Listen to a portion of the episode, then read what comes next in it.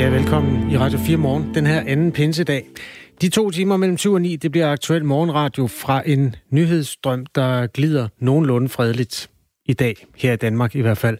Heldigvis kan man sige, fordi alternativet er jo ikke altid rart. I USA er der kaos og vold og herværk i mange store byer. Demonstrationerne mod politivold er gået fuldstændig over sine bredder. Det skal vi se på om lidt. Senere kan du øh, høre om en våbenkonflikt i det danske rollespilsmiljø og højskoler, der genåbner i en ret forpustet version. Mit navn er Kasper Harbo, og jeg laver Radio 4 morgen sammen med nyhedsverden Thomas Sand.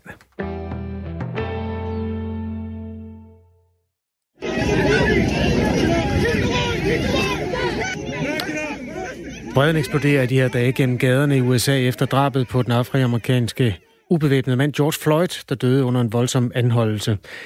Hen over weekenden har der været store demonstrationer over hele landet. I Minneapolis satte demonstranter ild til en politistation. I Nashville i delstaten Tennessee, der blev der sat ild til en retsbygning. Og i Washington D.C. blev det hvide hus lukket ned, og i flere stater er Nationalgarden sat ind, mens der i mange byer er indført udgangsforbud. Der har altså været demonstrationer over hele landet i den her weekend. Blandt andet i New York. 350 demonstranter er der blevet anholdt hen over weekenden, og næsten 50 politibiler er blevet ødelagt. Med direkte fra New York er Sara Maria Glandowski. Godmorgen. Godmorgen. Journalist og forfatter til bogen Skyggebokser, der handler om nogle af de konflikter mellem politiet og USA's sorte befolkning. Lige nu er klokken lidt over et om natten i New York. Hvad er seneste nyt hos dig?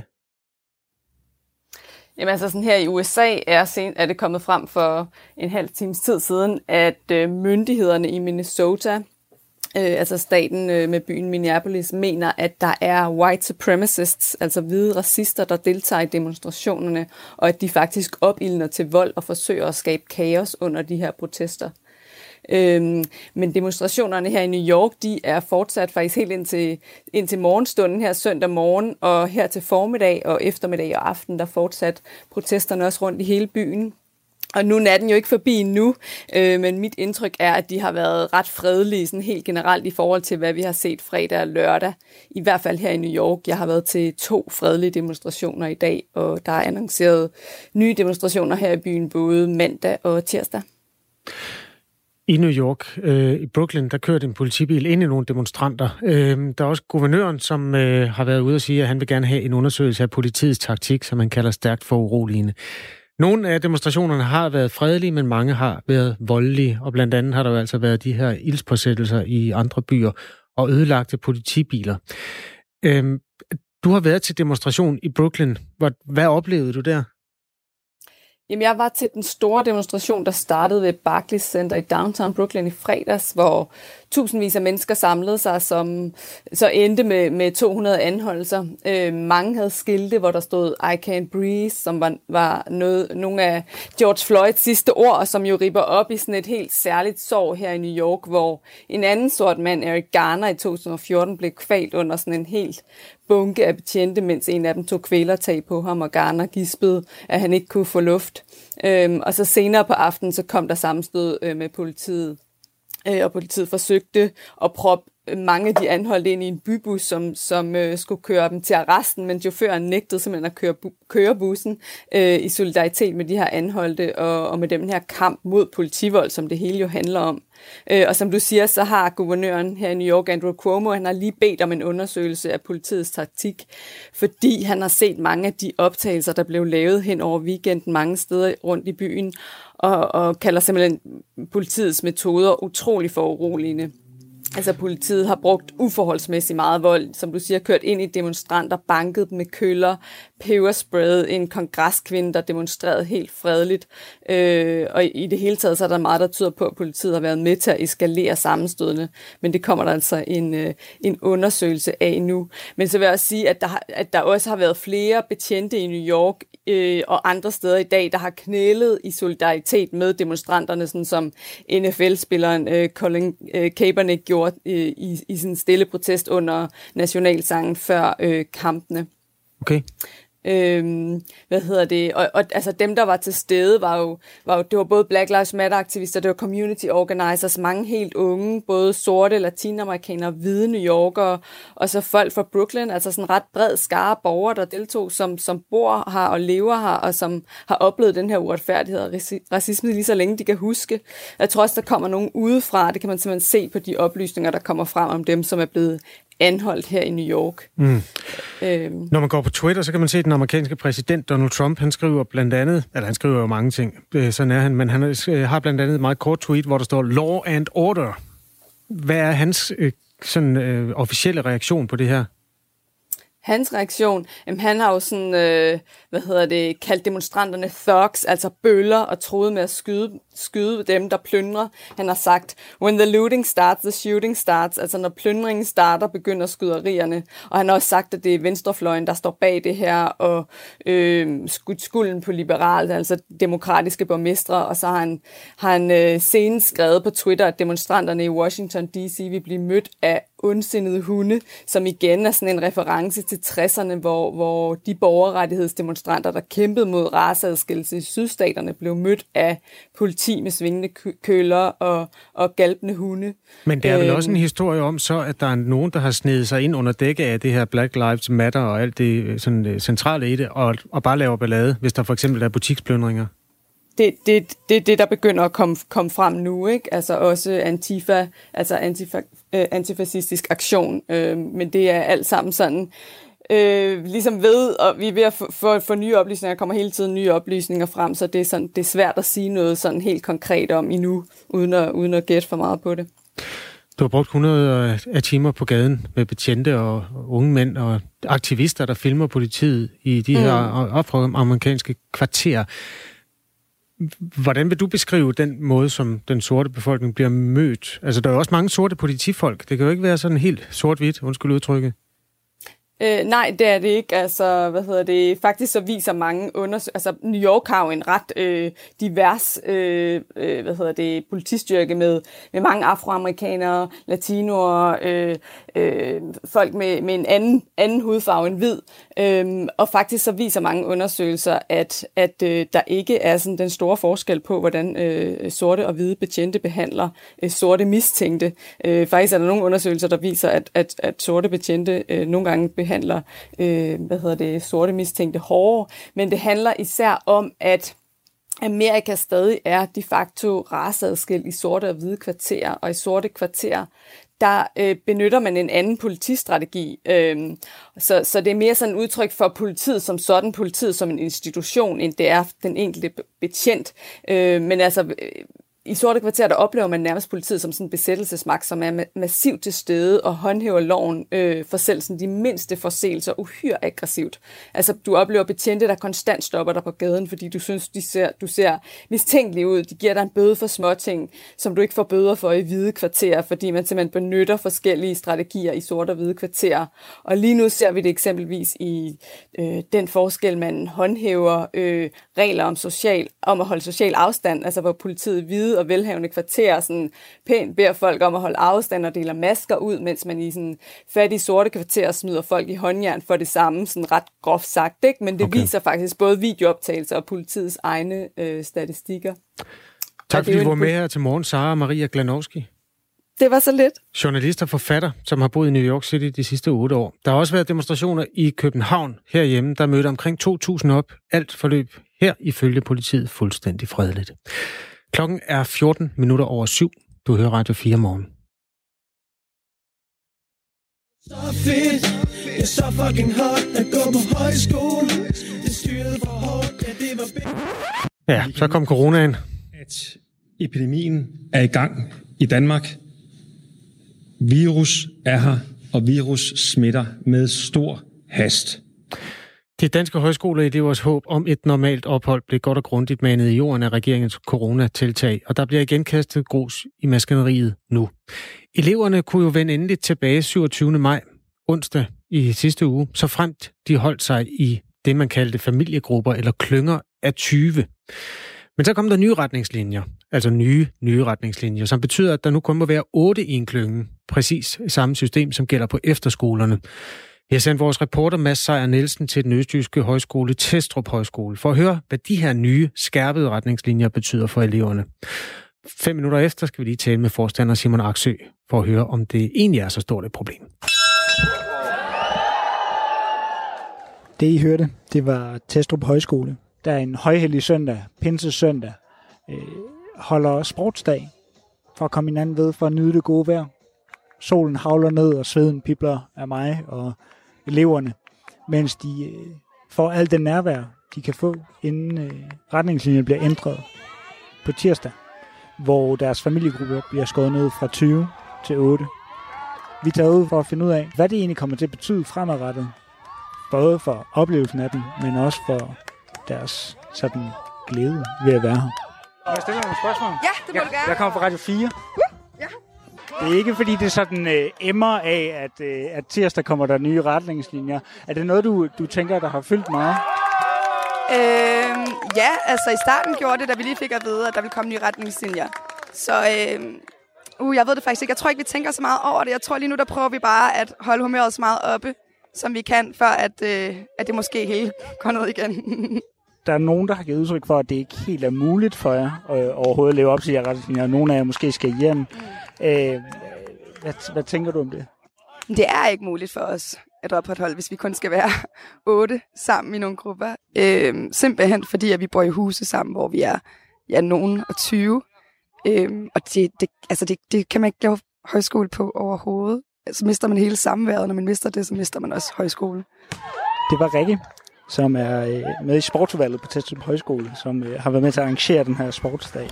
Når man bevæger sig igennem Testrup Højskole, så er der en blanding af ældre bygninger og nye bygninger. Det vil sige, at nogle af de nyere bygninger byder på store åbne atriumer, de byder på store åbne værelser med himse, mens de ældre bygninger byder på øh, lidt mere kompakte, tætte værelser. Jeg går op til, øh, til volleyballbanen. Jakob, øh, de nye retningslinjer på tirsdag. I går fra, fra at være 20 til at være 8. Hvad, hvad, hvad tænker du om det? Jeg synes bare, det er tavligt, du ved. Vi var, vi var ligesom lovet, at vi kunne komme tilbage, og vi, vi kan jo godt styre det. Vi var, jeg ser sådan forskellen på os og efterskolerne. Det er ligesom, vi er, vi er voksne mennesker, og vi har ligesom sådan forstår situationens alvor. Som en, en dag som dag, øh, solen det brager ned, øh, sveden havler af mig selv her, fordi jeg ikke er, ikke er designet til alt over 15 grader. Altså, det er jo ikke fordi, at der er noget her, der ligesom tyder på, at, at, at stemningen er trykket, synes jeg. Nej, det, det er der ikke. Der er, altså man kan sige, at vi er også rigtig heldige med vejret, så er det lige pludselig rigtig meget lettere at omgås med hinanden. Men det tror jeg går hen og bliver et problem i næste uge. Øh, og jeg har også set, at det bliver dårligt vejr i næste uge. Så bliver det lige pludselig rigtig mange venner, man ikke kan komme til at se. Så kan vi sætte os ud under en træ, eller sætte os ned i en af de telte, vi har fået slået op. Men så skal vi...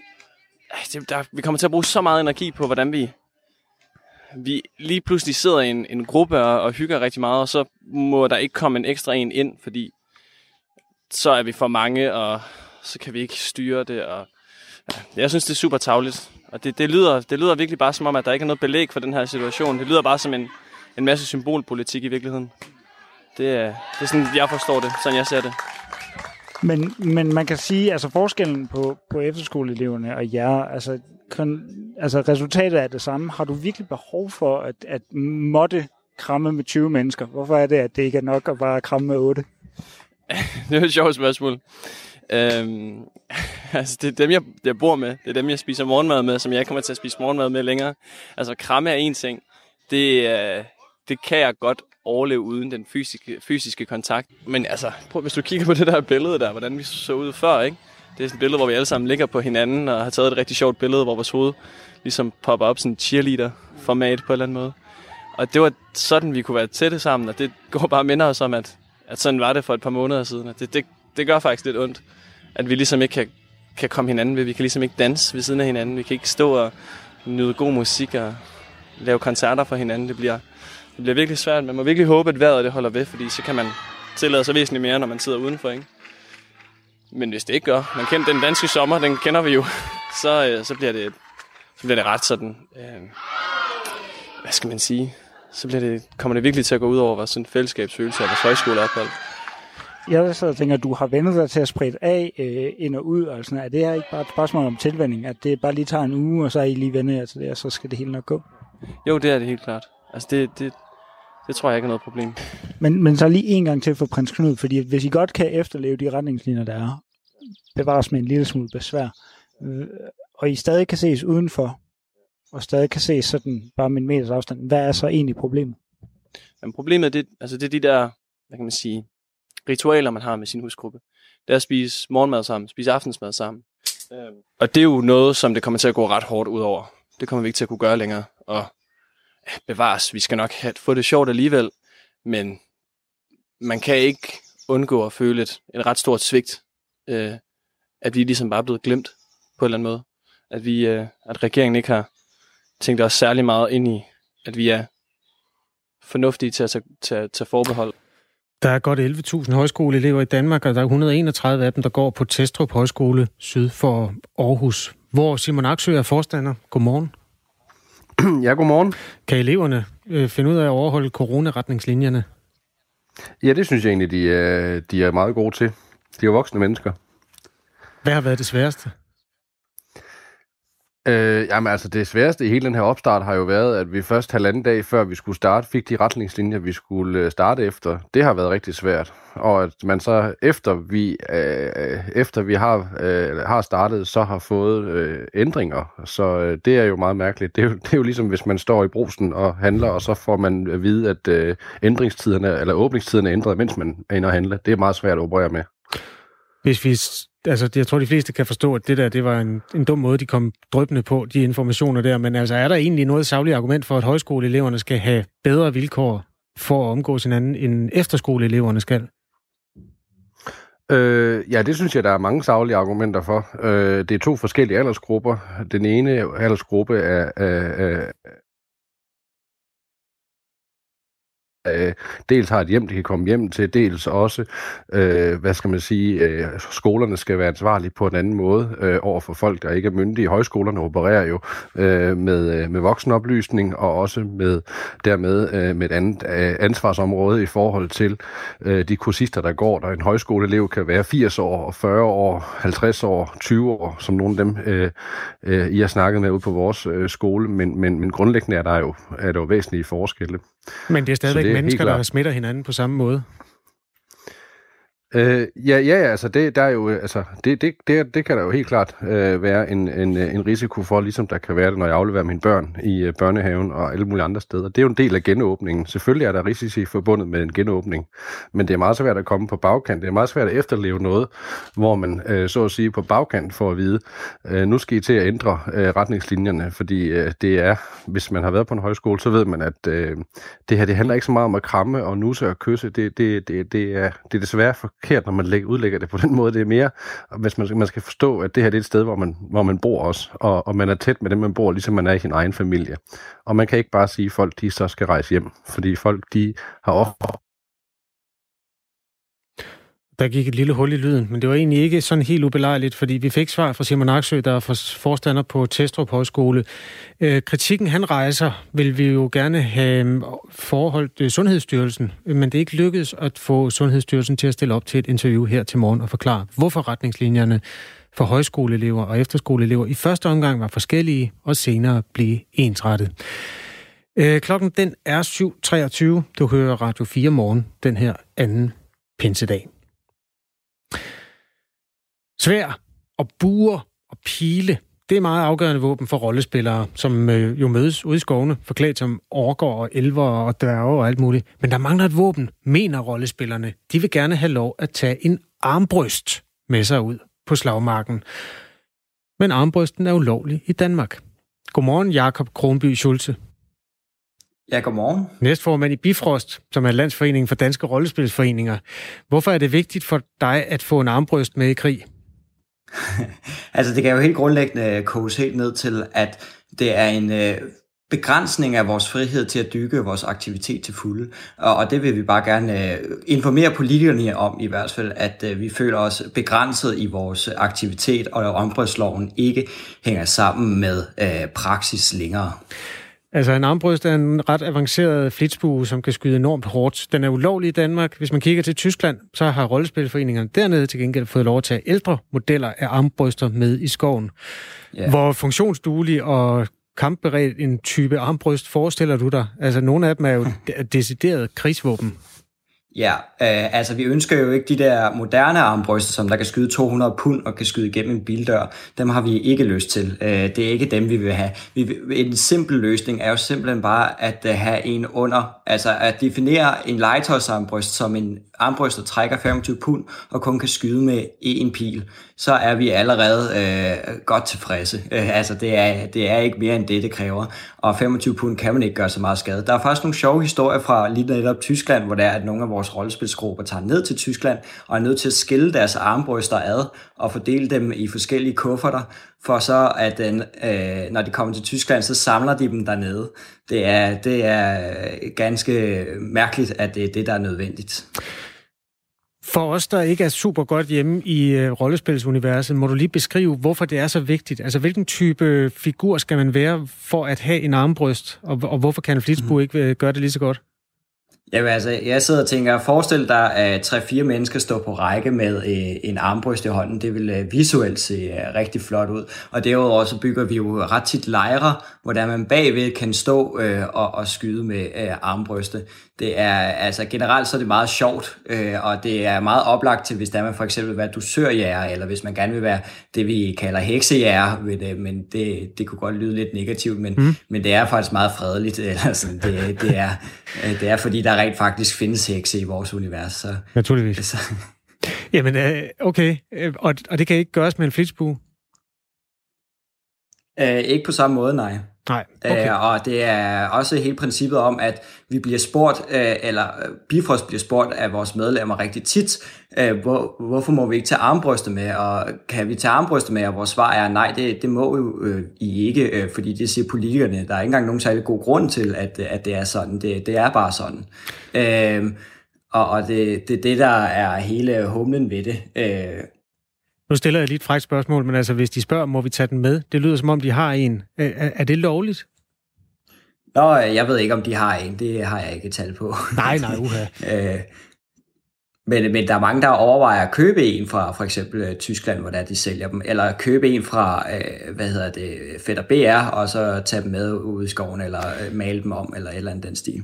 Hvilke myndigheder holder egentlig øje med, hvilke våben I rollespillere har med i, i skoven? Altså er der politi eller andre, der kommer og, og kontrollerer, om I holder jer inden for reglerne? Ja, altså der er jo nogle historier fra, der er nogen, der har købt fra Tyskland, og så er deres armbryst blevet konfiskeret på vejen. Øhm, og så øh, har man øh, også oplevet en enkelt gang, at politiet var ude at tjekke for våben øh, til en rollespilsarrangement, øh, hvor øh, der blev generelt set på, om vi bevarer, opbevarer vores øh, køkkenknive rigtigt, og økser bliver behandlet ordentligt osv. Øh, altså ægte økser øh, til træ. Øh, og så øh, var der en, der havde en armbryst, hvor til at han så fik en, øh, en bøde for det, og en plet på straffetesten. Og der lige siden er der ikke nogen, der har tur overhovedet at tage chancen øh, for at øh, nærme sig. Øh, altså, lige, hvis der jeg kommer ud med en armbryst til et øh, rollespilsarrangement, så ville det at blive øh, udskammet fra, fra arrangementet og blive bedt om at lægge den væk. Fordi at øh, der ikke er nogen, der tør. Øh, altså helt simpelt... Øh, ikke tør tage, tage chancen længere. Men Jakob Kronby Schulze, det er jo ikke for sjov, vi har en våbenlov. Det er jo fordi, man kan slå mennesker ihjel med våben.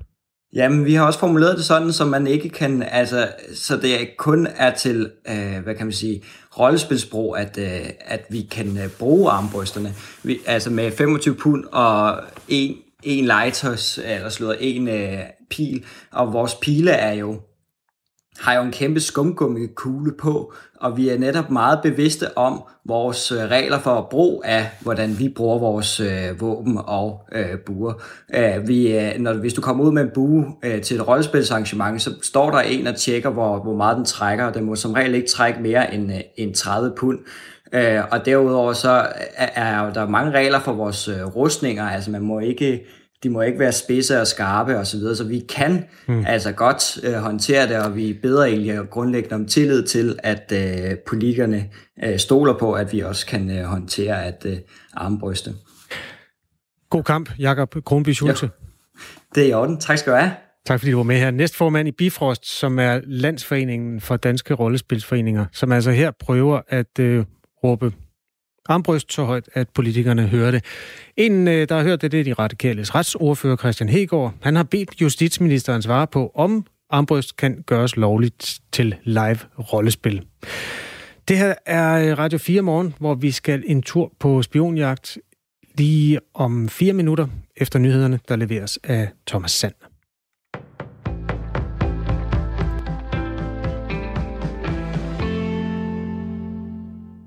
Politiet har brugt tårgas mod demonstranter i nærheden af det Hvide Hus i Washington sent søndag lokal tid. Det sker i forlængelse af den seneste tids demonstrationer rundt om i USA, hvor en sort mands død har fået folk til at protestere over undertrykkelse. Ifølge AFP har politiet ud over tårgas også brugt peberspray og en særlig slags granater, der udlyser et stærkt lys og en høj lyd til at desorientere personer. Nyhedsbureauet skriver, at redskaberne er blevet brugt til at opløse grupper af demonstranter, som i forvejen havde antændt flere store brænde og beskadiget ejendom. Borgmesteren i Washington havde på grund af den seneste tids uroligheder valgt at indføre et udgangsforbud fra sent søndag til tidlig mandag lokal tid. Beslutningen blev blandt andet truffet efter, at avisen New York Times har kunnet fortælle, at sikkerhedsfolk fredag aften valgte at sende præsident Donald Trump i en underjordisk bunker ved det hvide hus på grund af protesterne. Washington er langt fra den eneste by, som har indført udgangsforbud på grund af voldsomme protester fra borgere.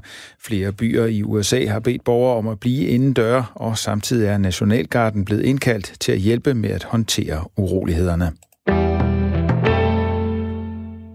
Coronapandemien rammer et stort antal unge kvinder hårdt psykisk. Det viser en ny undersøgelse fra Psykiatrifonden i forbindelse med kampagnen Sig det højt blandt unge kvinder i alderen 16-24 år. Cirka 60 procent er mere bekymrede, end de plejer at være, og 50 procent er mere urolige end normalt. Alligevel taler mange ikke med deres nærmeste om de nye svære ting i deres liv, hver fjerde i undersøgelsen siger, at de sjældent eller aldrig deler nederlag og sover med deres forældre, og næsten hver femte heller ikke med vennerne. Sine Bjergård, der er børne- og ungepsykolog i Psykiatrifonden, kalder undersøgelsen opsigtsvækkende. De unge generationer har i forvejen mange udfordringer. Coronaen bliver så et ekstra tryk i en livsperiode, hvor man særlig, har særlig meget brug for vennerne til at spejle sig i. Hun fæstner sig især ved, at mange af de unge ikke taler med deres nærmeste om det. Vi kan ikke fjerne corona. Øh det kan vi prøve på, men indtil vi kan det, så tror jeg, det er rigtig vigtigt, at vi, vi taler om det, der er svært. At vi tør at tale om det, fordi det, der undersøgelsen også viser, det er, at der er rigtig mange, der fortsat har svært ved at tale højt omkring det, der er svært. Fordi at øh, man simpelthen ikke vil belemmer eller vise svaghed. Men ved at tale om det, så, øh, så kan vi være med til at normalisere øh, de bekymringer, vi måtte gå med. Genåbningen af Danmark har indtil videre ikke umiddelbart ført til øget smitte med coronavirus i befolkningen. To danske forskere mener nu at have forklaringen. Det er et lille antal mennesker og et lille antal større begivenheder, der er årsagen til langt den meste smitte, det skriver politikken. Det er pandemiforsker og professor i folkesundhed ved Roskilde Universitet Lone Simonsen og Kim Sneppen, professor i biokompleksitet ved Niels Bohr Instituttet, der står bag studiet. Studiet har ifølge politikken forsøgt at modellere ny international viden om, at 10 procent af befolkningen ser ud til at stå for 80 procent af smittespredningen.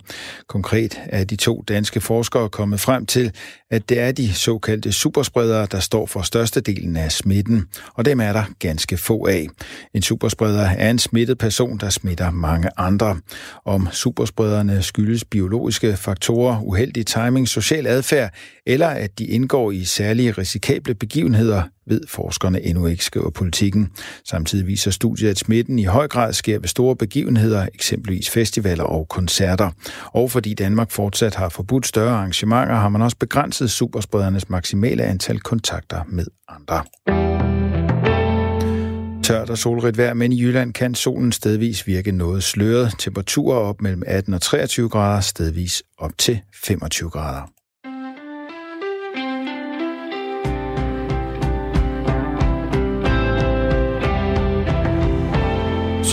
er klokken. Du hører Radio 4 morgen med Thomas Sand som nyhedsvært, og Kasper Harbo sidder her. Nu skal vi en tur til østrisk politik i den mere kulørte afdeling.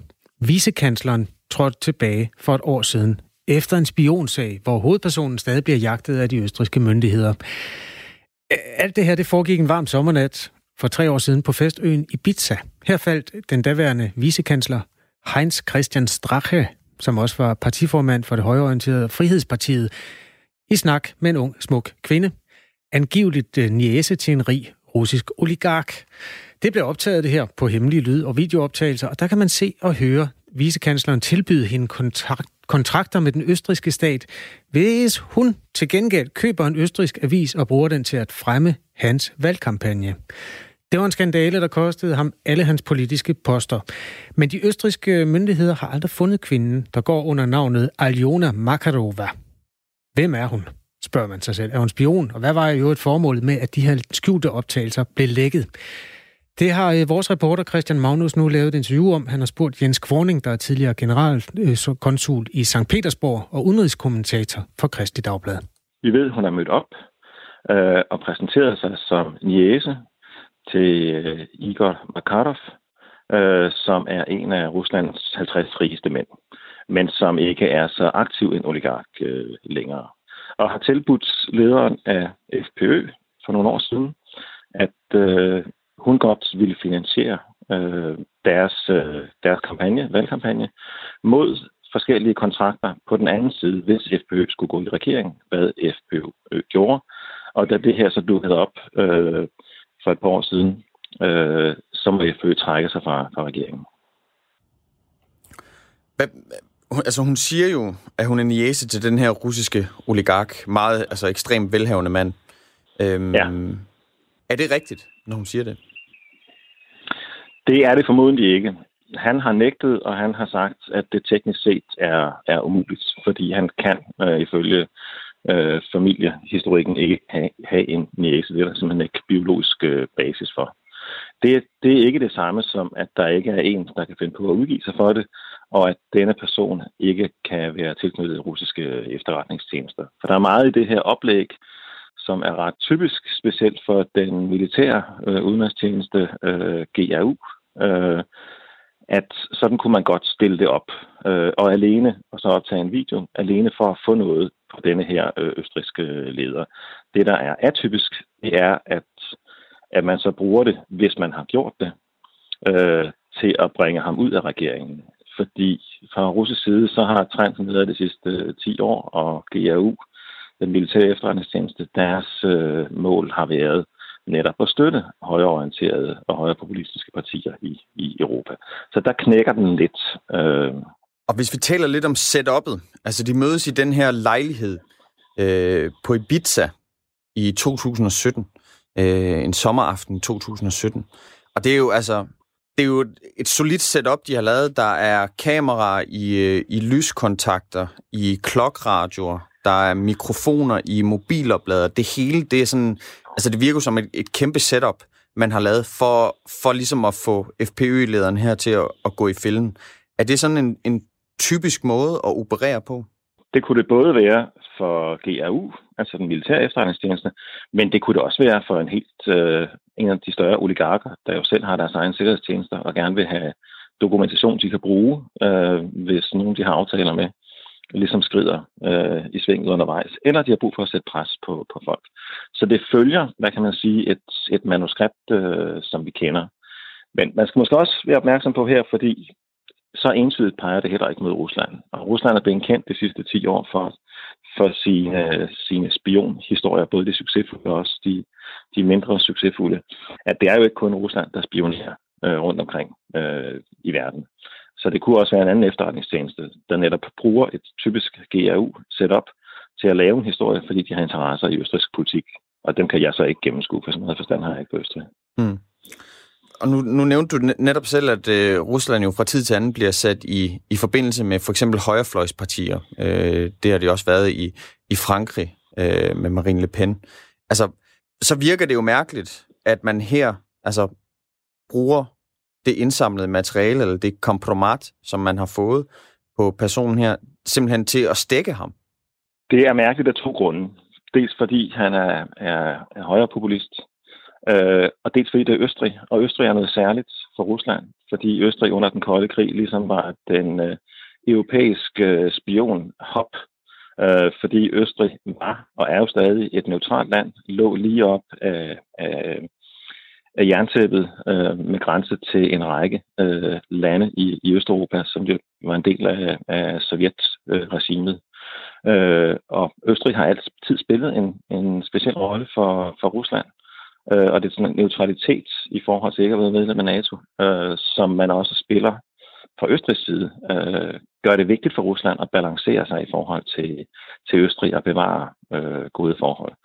Der, hvor der kan være en link, men det er ekstremt hypotetisk, fordi de to tidslinjer matcher ikke helt hinanden, det er, at der er en igangværende sag øh, i Østrig, som er pinlig for Rusland, hvor man har anklaget en tidligere, en tidligere officer, øh, en pensioneret officer, for siden mindst 87 at have givet militære hemmeligheder til Rusland, altså en østrigsk officer. Og den har sat øh, lus i skinpelsen mellem Rusland og, og, og Østrig. Øh, så skulle logikken være, at GRU vælger at bruge noget kompromat, de har fra tidligere, lige at kaste ind i bålet for os her østrigerne og eskalere. Men igen, Rusland har en stærk interesse i et godt forhold til, til Østrig af rigtig mange grunde. Øh, så det er en sparet historie, den her.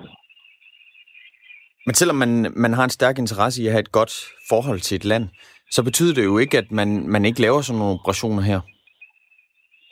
Altså, spioner findes stadigvæk, og Østrig er som sagt nærmest et, et handelscenter for, for spionage historisk set efter, efter 2. verdenskrig. Og det, der kan give mening i russisk sammenhæng, det er, at vi, vi oplever jo tit russisk og, og Putin som, som noget meget styret, øh, og det er en meget forkert øh, tolkning af tingene.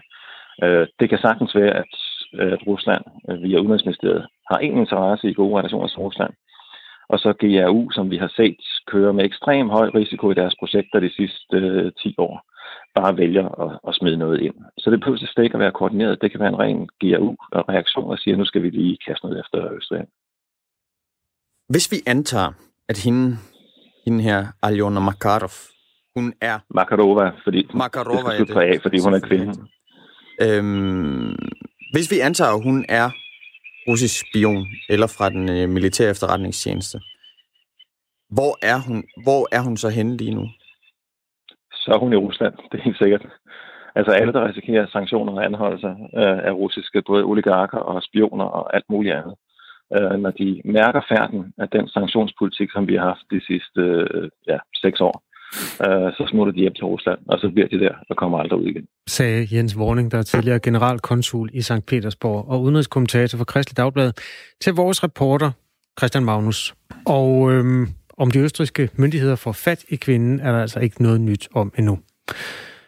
Klokken den er 7.42. Du hører Radio 4 morgen, og nu skal vi i rummet.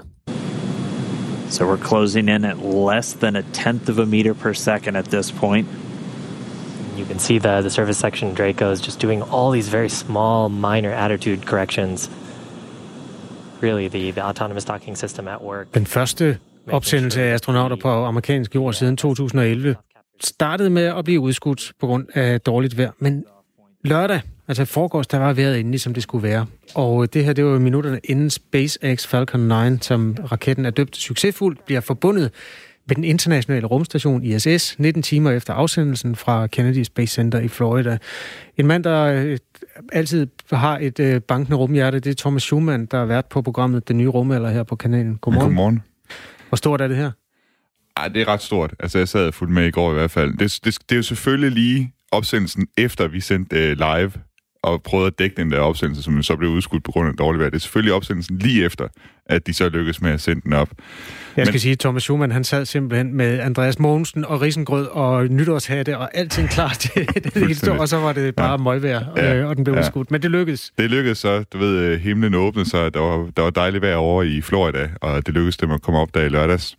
Og øh, ja, de er så koblet til øh, rumstationen i går, og det er jo altså det, det store i det, det er jo, at det er en første gang nogensinde, at en øh, kommercielt bygget rumkapsel, den kobler sig til rumstationen. Indtil det tidspunkt, der er det jo været, hvad skal man sige, stater, der ligesom har udviklet deres øh, rumfærger og, og rumkapsler og så videre, ikke, der har koblet sig til. Men det er det så SpaceX, der dels for, dels for sine egne penge, og så også for NASA's finansiering, har udviklet den her Crew Dragon rum, rumkapsel, som er så koblet til i går. Og sine egne penge, det er Elon Musks ja, penge. det er det. Tesla-pengene. Ja. Hvordan kobler man egentlig sådan to ting sammen? Jeg har set et tog, altså to IC3 eller IC4 togsæt koble sig sammen. Hvordan foregår det der op i rummet? Jamen det foregår jo, altså man skal tænke på, de, de kommer op, og så matcher de hastighed.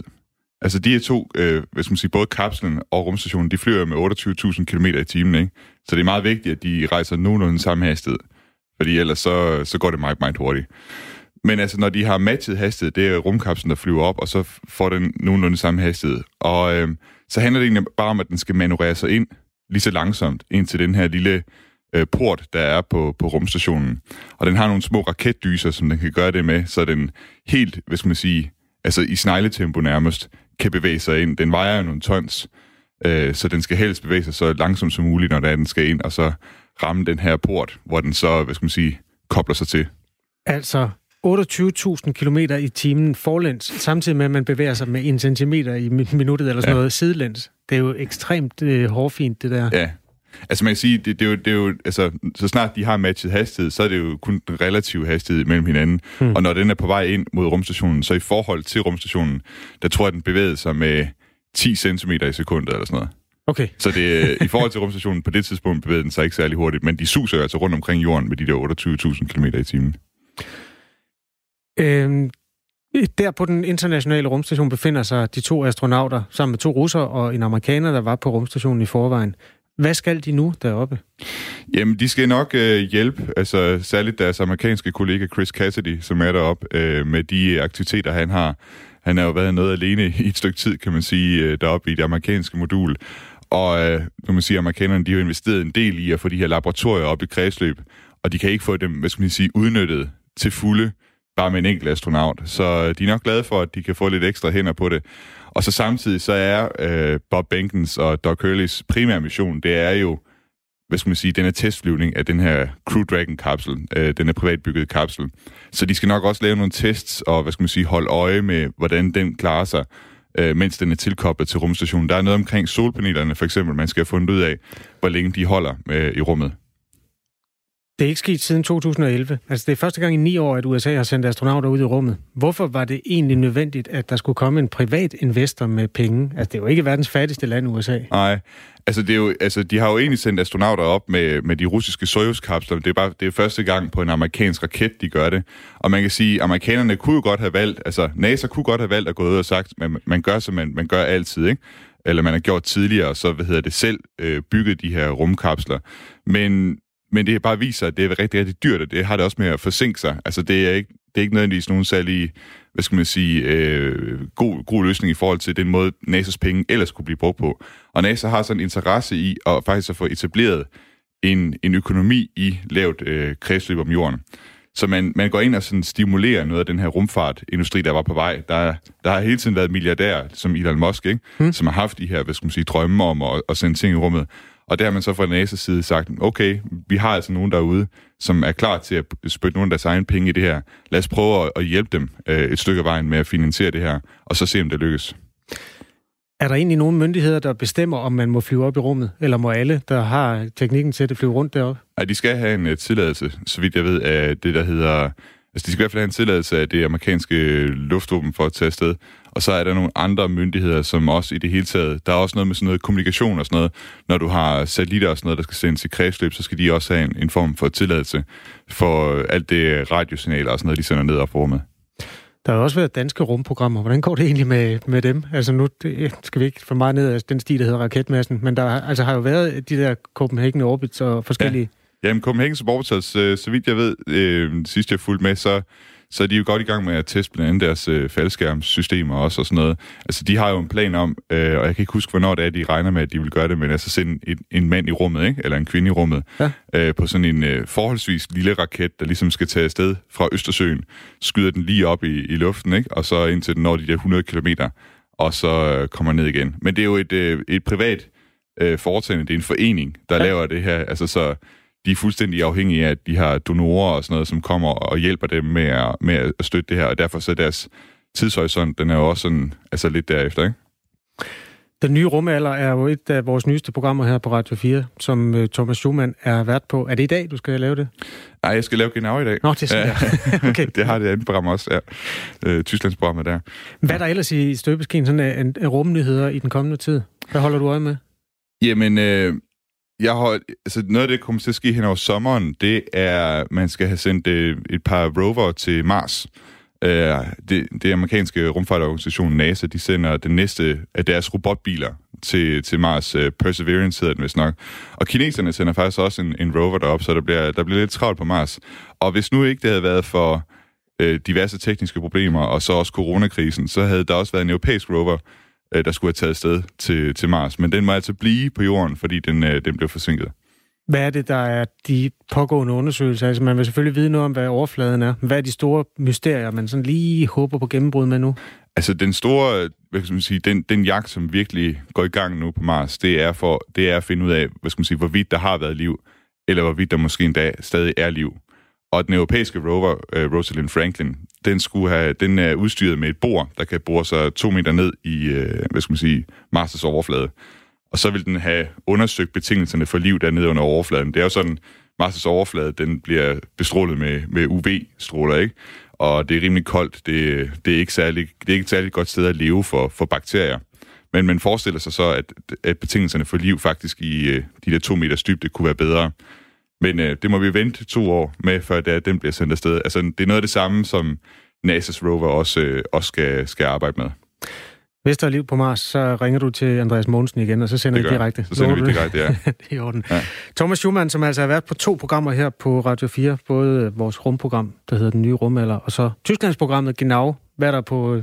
Skal vi lige have den også? Du får lov at reklamere Ja, lidt. på Genau, jamen, der skal vi kigge på den dom, der faldt i sidste uge øh, mod Volkswagen, hvor øh, herr Gilbert, han han, han, fik, han, han fik dommens øh, ord på, at Volkswagen skal købe hans gamle øh, Volkswagen Charan tilbage. Sådan. Ja, og så de sager, der ligesom, det er ligesom også afledet. Der er 85.000 tyskere, som har egentlig sag mod Volkswagen i lignende sager, så Volkswagen kan komme til at stå med en rigtig masse brugte øh, biler. Husk at høre genau, husk at høre den nye rumalder. Øh, tak skal du have, Thomas Schumann. Så lidt. Du hører lige nu Radio 4 morgen med øh, Kasper Harbo, og klokken den er 8 minutter i 8. For få dage siden trak Donald Trump USA ud af verdensorganisationen WHO. Det skete efter gentagende trusler fra præsidentens side og anklager om, at Kina nølede med at give WHO vigtig viden om coronaudbruddet. Donald Trump kritiserede også WHO for ikke at have været hård nok i sin kritik af Kina på grund af manglende oplysninger om udbruddet. Vores reporter Christian Magnus har talt med Claus Havgård Sørensen. Han er tidligere generalsekretær, øh, generaldirektør undskyld, i Europakommissionen, og så er han forhenværende rådgiver for netop WHO. Og han fortæller, at organisationen uden USA går en meget usikker fremtid i møde. Første øh, var det jo egentlig ikke en overraskelse, fordi øh, øh, jeg tænkte, øh, nu gør han det, nu gør han det sgu igen. Han prøver at finde en søndebog, øh, øh, for ligesom at, at komme ud over de problemer, han ikke selv var hurtig øh, nok ude af startklodserne. Og det er jo fint, hvis man kan kaste skylden på nogle andre. Og det andet, jeg tænkte på, det var, hvis han trækker USA ud, øh, hvad vil det betyde for verdens sundhedsorganisationen? Og hvor hurtigt kan en ny øh, amerikansk præsident øh, melde USA ind igen? Fordi jeg kan simpelthen så ikke forestille mig, at USA på lang sigt ønsker at stå uden for øh, en organisation, der faktisk har hjulpet med til at hæve folkesundheden og bekæmpe epidemier i de sidste øh, 50 år. Så det var sådan, hvad der, hvad der gik igen, igennem mit hoved. Hvorfor kunne du ikke forestille sig, at, øh, at USA ikke vil være med i WHO? Fordi øh, der er nogle fordele øh, ved WHO, øh, uanset hvor kritisk man kan være osv. osv. En af de ting, der er ret afgørende, det er, at øh, alle lande, der er med, er forpligtet til at rapportere om epidemier. Det er en juridisk forpligtelse. Og jeg kan ikke forestille mig, at der er nogen, der har lyst til at rapportere direkte til USA. Så øh, USA vil være afhængig af at få informationerne fra WHO. Selvfølgelig vil man dele det med dem. Man kan sige, det er ikke livsnødvendigt, fordi hvem skulle ønske ikke at dele det med amerikanerne, men, men det giver slet ikke mening. Og nogle af de mest aktive i Verdens Sundhedsorganisation har faktisk været øh, øh Center for Disease Control i Atlanta, altså USA's egen sundhedsstyrelse, øh, har samarbejdet med WHO igennem alle årene, været med til at bekæmpe øh, epidemier, Ebola, øh, polio, øh, kolera osv. Øh, over hele kloden og øh, har nyt godt af, af det samarbejde. Så det her, det er en politisk operation, øh, som drejer sig om noget helt andet, øh, nemlig at finde nogle søndebukke et andet sted, skabe frygt og usikkerhed. Øh, måske er han sur over, at de også sagde, at man skal ikke drikke rensevæske øh, for at bekæmpe corona. Hvad ved jeg? Men der foregår et eller andet op i, op i hovedet på den mand, som øh, jeg ikke rigtig ønsker at beskrive nærmere. Men, men hvis USA fortsat kan få de informationer, de har brug for til at bekæmpe øh, diverse sygdomme, og samtidig kan, kan slippe for at betale 450 millioner dollars til, øh, til WHO om året, så er det vel en ganske god idé at trække sig ud? Det, ja, sådan kan man jo øh, sige, øh, at øh, så kan alle jo begynde at trække sig ud, og til sidst så er der ikke noget sted at udveksle information. Øh, så hvis man har sådan en meget kortsigtet dagsorden, øh, så kan man selvfølgelig score nogle billige øh, point, øh, ved at trække sig ud og, og så alligevel være med. Men øh, jeg vil da tro, at almindelige fornuftige mennesker, hvis de er medlem af en tennisklub og ønsker at spille tennis, øh, så vil de også gerne betale kontingentet. Øh, og så er der i øvrigt nogle politiske diskussioner i WHO om, hvor man skal satse på fremtiden. Hvad er de store udfordringer? Øh, anti, antimikrobial resistens er jo en af de store faremomenter. Øh, hvordan bekæmper man bedst øh, øh, øh, de nye epidemier, der kommer op, hvad skal medicinalindustrien gøre Og så, videre, Så det, det giver simpelthen ikke mening, altså øh, øh, intellektuelt øh, og sundhedspolitisk at, at trække sig ud. Men, men det, det kan han jo gøre. Altså, jeg ved ikke, hvordan den juridiske konstruktion skal være, men øh, han er jo præsident og er valgt, øh, og han kan gøre mange mærkelige ting. Hvor, hvorfor, hvorfor er det så vigtigt at have USA med? Altså ud over, at de, øh, at de jo øh, står for rundt regnet 15 procent af WHO's øh, samlede indtægter. Jamen, øh, vi, vi er jo nogen, der mener, at USA på mange punkter, det vil være på sundhedsområdet, men også øh, med hensyn til øh, kampen for demokrati og menneskerettigheder, støtte til FN-systemet, øh, er den multilaterale retsordens vagthund. Og, og det kan da godt være, at, øh, at, at de tider er ved at være forbi. Så det her er den første Lego-klods, der ligesom bliver smidt ud af vinduet, så, så bygningen er ved at falde sammen. Men, men, men det er en vigtig byggeklods i det internationale samarbejde. Og øh, ligesom vi ønsker, at de skal være med her, så synes vi jo også, at det er smart, at de er med i, i, øh, i, øh, i altså i de internationale humanitære organisationer, UNICEF og og øh, i, øh, i øh, altså, øh, hvad ved jeg, øh, den internationale telekommunikationsunion og den internationale øh, union for beskyttelse af intellektuel øh, uh, intellectual, uh, øh, uh, øh, intellectual property, altså, uh, hvad hedder det, patenter og den slags ting. Så, så på alle fronter, der er der sådan set en interesse i, at amerikanerne spiller med, og det synes jeg, vi skal blive ved med at sige til dem, at, at det er en god idé, øh, fordi det har vi alle sammen nyt af. Men altså, WHO falder ikke sammen, fordi øh, det, der er tale om, det er, at amerikanerne øh, i givet fald blokerer øh, for deres øh, budgettilskud. Men så er der jo andre gode amerikanere, øh, ikke mindst øh, Bill Gates og, og den globale øh, alliance for, for øh, nye vacciner, som spytter penge i kassen. Og så vidt jeg ved, øh, spytter Bill Gates øh, og billedet af, af, af Melinda Gates Foundation næsten lige så meget i kassen til WHO som, som den amerikanske regering. Så WHO kan Men det er, nogle tos, det er nogle tossestreger. Ja. De kan sagtens klare sig uden USA. Hvad så nu? Nej, jeg synes, ikke, at man kan klare sig uden, uden USA. Hvis, hvis det næste skridt bliver, at han forbyder øh, alle de dygtige læger og, og, og vaccineforskere fra, Øh, øh, deres, den amerikanske sundhedsstyrelse og medicinalindustrien i at, at deltage i møder i, i Genève, så mister man jo også et, hvad skal man sige, kvalitetsinput fra en, en, vigtig, en vigtig del af, af den vestlige verden. Så jeg vil ikke sige, at, det, det er, at vi bare kan klare os uden den. Det, det, er, det vil være et, øh, et, et, et Altså det er, det er et skud, en torpedo under vandlinjen, som, som ikke, er, ikke er god for den internationale sundhedsstandard.